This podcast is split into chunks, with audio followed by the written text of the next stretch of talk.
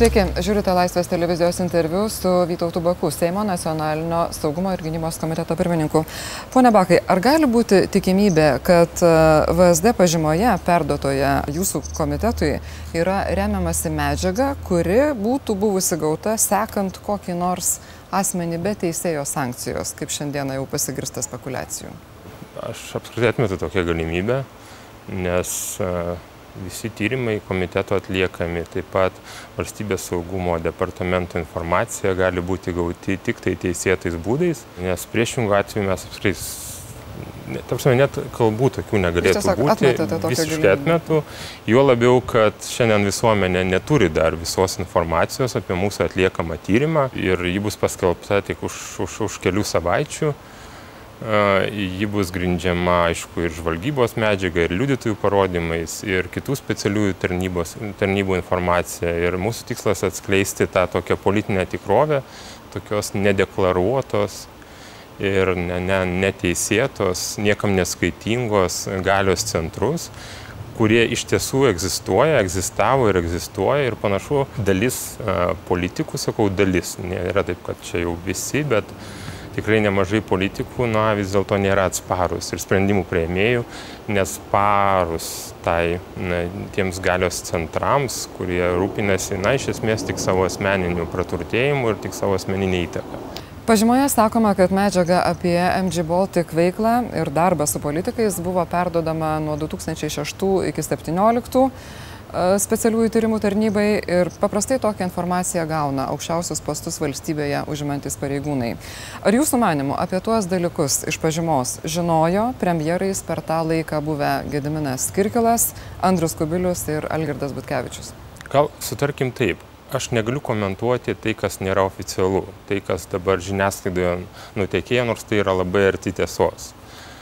Uh, Tačiau hm, aš noriu pasakyti, kad mes tyriame ne kažkokį nusikaltimą, atskirą epizodą, mes tyriame, komiteto užduotis yra a, politinė korupcija. Ir iš tiesų a, komiteto dėmesio centre a, yra kelios dešimtis pavardžių, tarp kurių yra politikų, tarp kurių yra nuomonių lyderių, tarp kurių yra verslininkų ir kurie mus domino kaip nedeklaruotos ir tokios šešėlinės politikos dalyviai arba tarpininkai. Kitas aspektas tas, kai, kad, kai mes kalbam apie politinę korupciją, mes kalbam apie politinį elitą, apie sprendimų prieimėjus. Ir mano įsitikinimu šioje situacijoje aukščiausi valstybės vadovai, jeigu jie rūpinosi valstybės interesais, jie turėjo tai žinoti.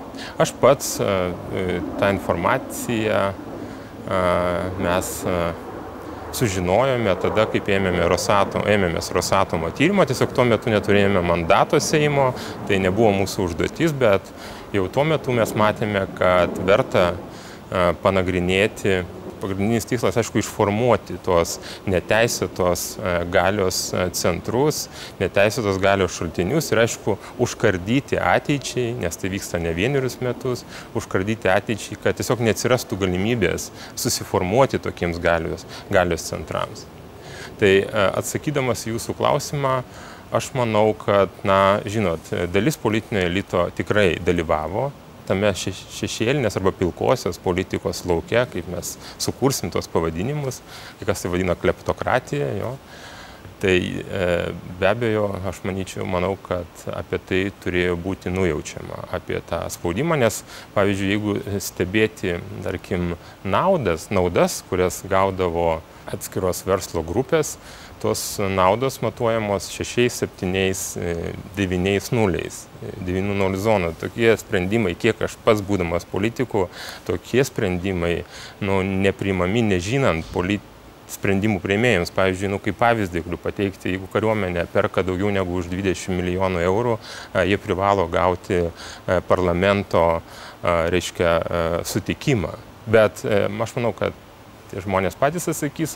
Matydamas pirmasis, pirmosius komentarus, matau, kad na, tai nebuvo naujiena, gal masteliai patys, gal daugiau nustebino, kad vis dėlto mes turėjome labai sąžiningų pareigūnų specialiuosiuose tarnybose, kurie nepaisant nepalankaus politinio klimato arba aplinkos, sakysim, prieš dešimtį metų arba netgi prieš nu, keletą metų, jie vis tiek ne, nenuleido rankų ir, na, sakysim, rūpinosi valstybės interesais. Mums pavyko paklausti kelių buvusių Seimo pirmininkų, ar jie žinojo apie tuos dalykus, apie ką jūs sakot, kad jūsų manimų turėjo žinoti. Ir Na, ko ne visi pasakė, kad kažką žinojom, tačiau oficialios informacijos nebuvom gavę ir dabar tą galim parodyti ir mūsų žiūrovams.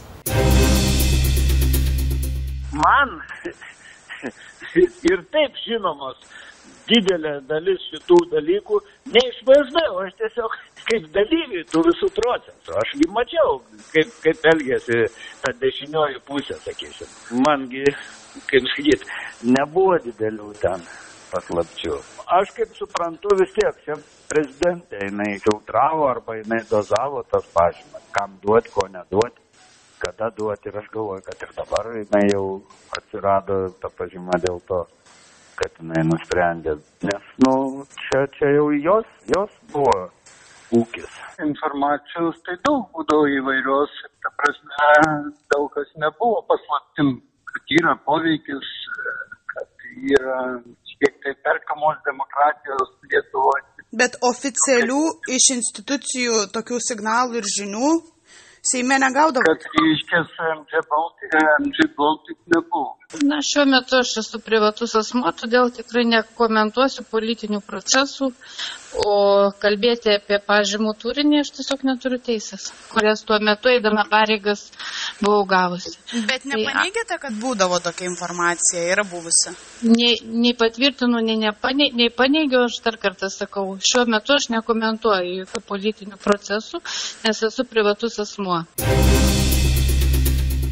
Specialiųjų tyrimų tarnyba iš vis niekaip neatsako į klausimą, ką jinai darydavo su ta informacija, kurią VSD teigia perdavinėjęs specialiųjų tyrimų tarnybai. Ar jūsų manimų, gavusi tokią medžiagą, iki teisminį tyrimą galinti, galinti vykdyti institucija, kokia yra STT, gavo ir pagrindą jį pradėti, bent kai kuriais epizodais, kurie aprašyti toje pažymoje?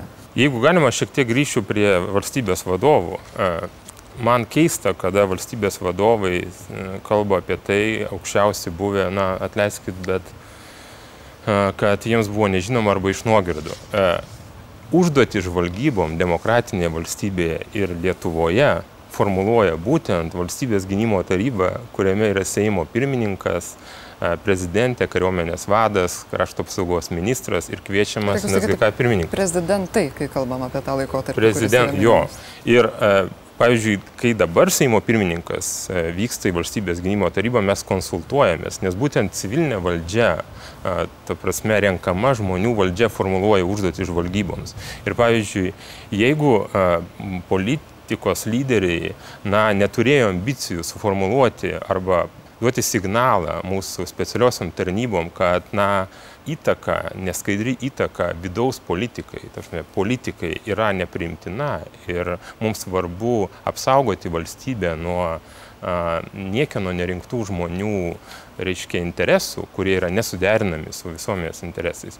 Nu tai tada iš tikrųjų tai yra politinio lyderio problema. Tai, ką aš matau, valstybės gynimo tarybos užduotis, pasakysiu taip, nors jos yra, jos neskelbiamos, bet iš esmės jos nesikeitė per pastaruosius keletą metų. Bet jeigu politikai pradėtų nurodinėtis, pavyzdžiui, specialiųjų tyrimų tarnybai, ar tai nebūtų vėlgi manipuliavimas tomis tarnybomis, nes, na, jeigu tarnyba turi informacijos, ji turi ir įgaliojimus pradėti tyrimą. Be abejo, ir mes matome, kad tarnybos e, matė mm, iššūkius, matė grėsmės, nes, na, politinė korupcija ir apskritai korupcija yra viena iš grėsmių nacionaliniam saugumui, nes tai yra ta vieta, per kurią galima pažeisti valstybę, stabdyti, pavyzdžiui, jos pažangą, iš tikrųjų mes padarėme didžiulį proveržį kaip šalis, bet jeigu kalbėti apie galios centrus, kurie na, pasisamindavo dalį mūsų visų sukūriamos vertės, ta pažanga gali būti dar greitesnė.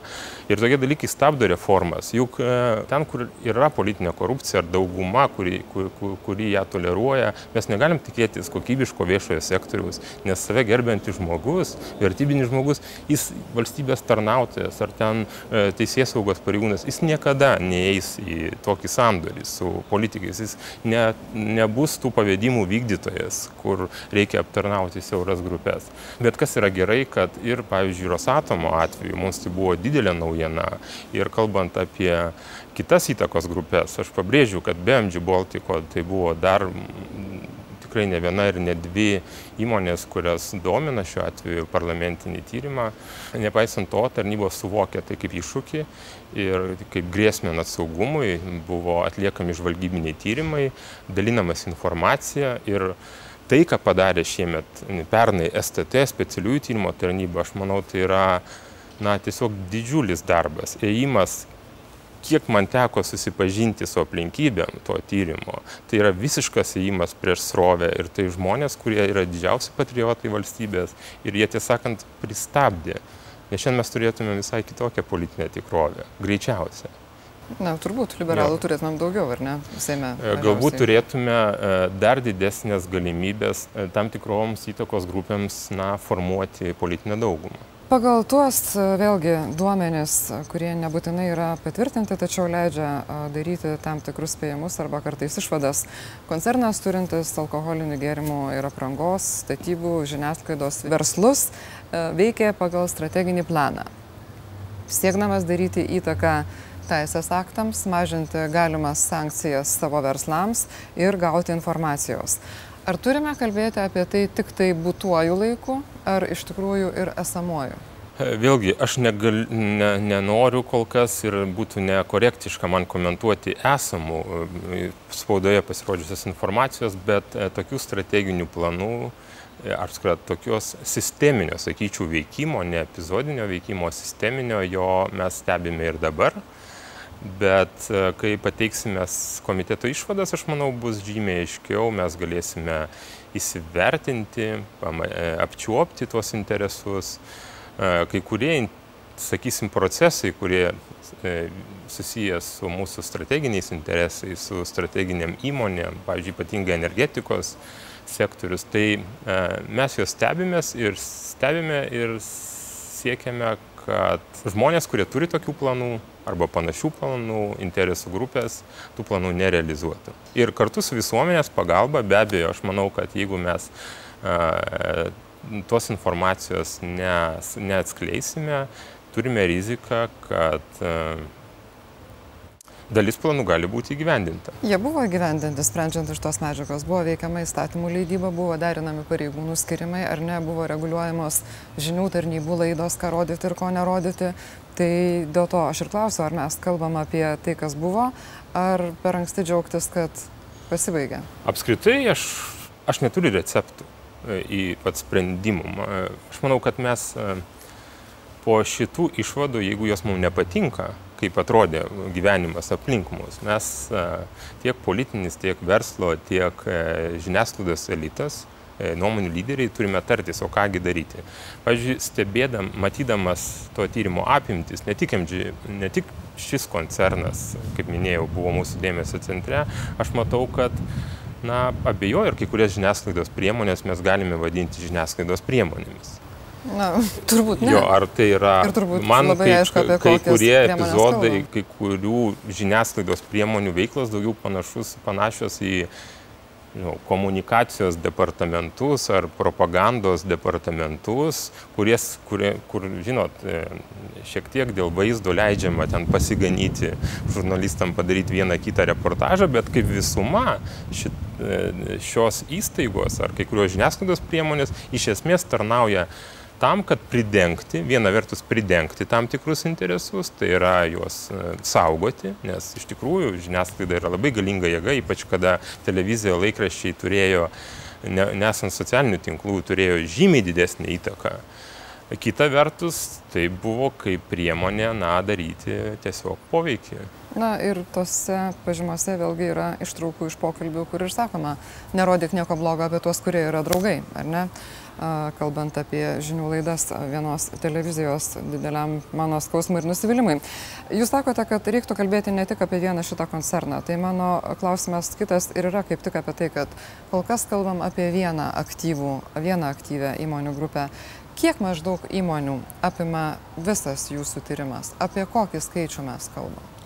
Mes domėjomės, e, rimtai domėjomės maždaug penkiomis e, interesų grupėmis, aš jas taip pavadinčiau. Ir nagrinėjome maždaug apie kelias dešimtis pavardžių. Tai yra ir politikos žmonės, ir verslo, žiniasklaidos, visuomenės veikėjai. E, dabar vyksta, na, sukauptos informacijos, ne tai kad analizė, bet ta stadija, kada mes rašome išvadas ir labai stengiamės atsakingai pasverti kiekvieną epizodą, juk tame dalyvauja visas komitetas ir pozicija, ir opozicija, todėl ir, ir turime ir viduje ginčių, turime tam tikrų įtampėlių, bet man gerai yra tai, kad yra bendra politinė valia, kas galbūt prieš mėnesį buvo kitaip skelbti šitą informaciją. Ir mm, skelbti ir galbūt suteikti progą visiems šiek tiek apsivalyti, pamatyti žaidimo taisyklės ir pabandyti jas pakeisti su visuomenės pagalba. Tie asmenys, kurie yra išviešinti minimoje VSD pažymoje, tai yra ir koncerno atstovai, ir jų valdomos žiniasklaidos darbuotojai sako, kad, na, darbuotojas sako, kad jo niekas nesiteikia išklausyti, koncerno vadovai perdoda poziciją, kad tai yra spaudimas būsimam teismui, kuris jau dėl to bus es ne, neobjektivus. Kaip Jūs tai vertinat ir kokie yra tikri faktai, tarkim, ar tikrai visi asmenys neturėjo galimybės išsakyti savo pozicijos? Pakartosiu, koncernas yra vienas iš epizodų. Tai, ką apie ką mes šiandien šnekame, tai yra net netrešdalis uh, tyrimo uh, apimties.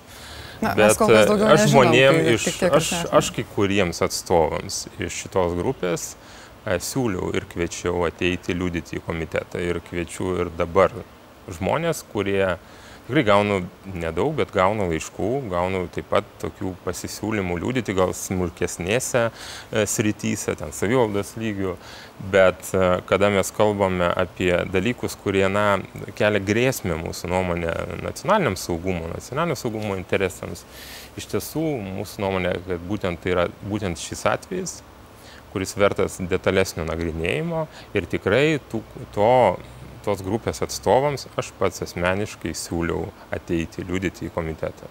Jūs sakot, šis atvejis, ar galit sukonkretinti, kuris atvejis, kad būtų, nes galim supainioti žiūrovus patys nesusigaudydami, nes jums geriau jūs žino daugiau negu mes žinom. Aš kalbu apie e, koncerno MG Baltic veiklą ir būtent jo atstovus. ir aš tikrai siūliau ateiti, siūliau ne vieną kartą ir siūliau dar šiandien ryte. Tai tai, kad ten mes nenorime išgirsti, yra na, tiesiog netiesa. Dabar dėl poveikio kažkokiam procesam, žinot, matydamas apskritai šito tyrimo visumą, mes matome, kad poveikį buvo siekiama daryti ne tik ten politiką ministram arba valstybės įmonių kokiu nors atstovam, bet buvo siekiama turėti savo žmonės ir teismuose, ir prokuratūroje, ir teisės saugoje. Tai, na, tiesą sakant, dabar galbūt kyla klausimas, ar mums yra priimtinas, priimtina pati galimybė, kad egzistuoja palanki terpė a, tokiam protekcionizmui e, valstybės tarnyboje, teisėsaugoje ir protekcionizmui, kurį labai sunku apčiuopti, nes e, šioje vietoje e, interesai sutampa visų pusių ir, ir sprendimų prieimėjų, ir kažkuria prasme verslininkų, kurie valdo žiniasklaidos priemonės ir, na, tarpininkų ir tarsime apskritai žmonių, kurie uh, įgyvendina tuos interesus. Ir todėl apčiuopti galima tik esant tam tikrai politiniai valiai. Ir čia yra matyti atsakymas, kad jūsų klausimą, kodėl tarnybos iki šiol gal nebuvo taip pasirengusios atvirai ir išviešinti informacijos, nes šitą išvada galėjo būti ir slapta, bet nes na, žinot, sudėtinga matyti atnešti informaciją žmonėms, kurie na, patys gali būti suinteresuota, kad šita situacija vyktų. Būtent to, tokios žaidimos taisyklės, tokia politika a, egzistuotų. Po parlamentinio tyrimo dėl skardžiaus veiklos ir tolesnių jo galimybių dirbti energetikos srityje, jūs turėjot atskirą savo nuomonę, kuriai nebūtinai pritarė kiti jūsų kolegos parlamente. Kas galėtų būti tie kriterijai, kurie galėtų įrodyti arba leistų laikyti dabartinį jūsų tyrimą objektyviu, o ne politiškai motivuotų, nes kas nors galėtų paklausti ir aš prisidėčiau prie to klausimo, ar jūsų partijos lyderio koncernas neturėjo poveikio ir neturi poveikio tiems politiniams procesams, kurie vyksta dabar? Ar vyko jūsų tyrimų laikotarpiu, tiksliau reikėtų sakyti turbūt? Na, aš jau kalbėjau apie koncerną. Kad... Mes kalbėjome apie tą kitą. MG Baltic dabar kalbam apie agro koncerną. Jo, e, aš pasakysiu taip, aš du metus dirbu komitete, e, neturėjau jokių bandymų pono Ramūno Karbauskio arba koncerno atstovų arba žmonių daryti kažkokį poveikį, net bandymų. Netgi šio tyrimo metu frakcijos seniūnas apskritai, ta prasme, jis net nei dalyvavo, nei domėjosi, buvo toks sustarimas, kad nacionalinio saugumo ir gynybos komitetu yra pasitikima, mes atliekame darbą, kurį mums pavedė Seimas. Ir aš asmeniškai tikrai ne, neturėjau progos niekada įsitikinti, kad kažkoks poveikis būtų daromas.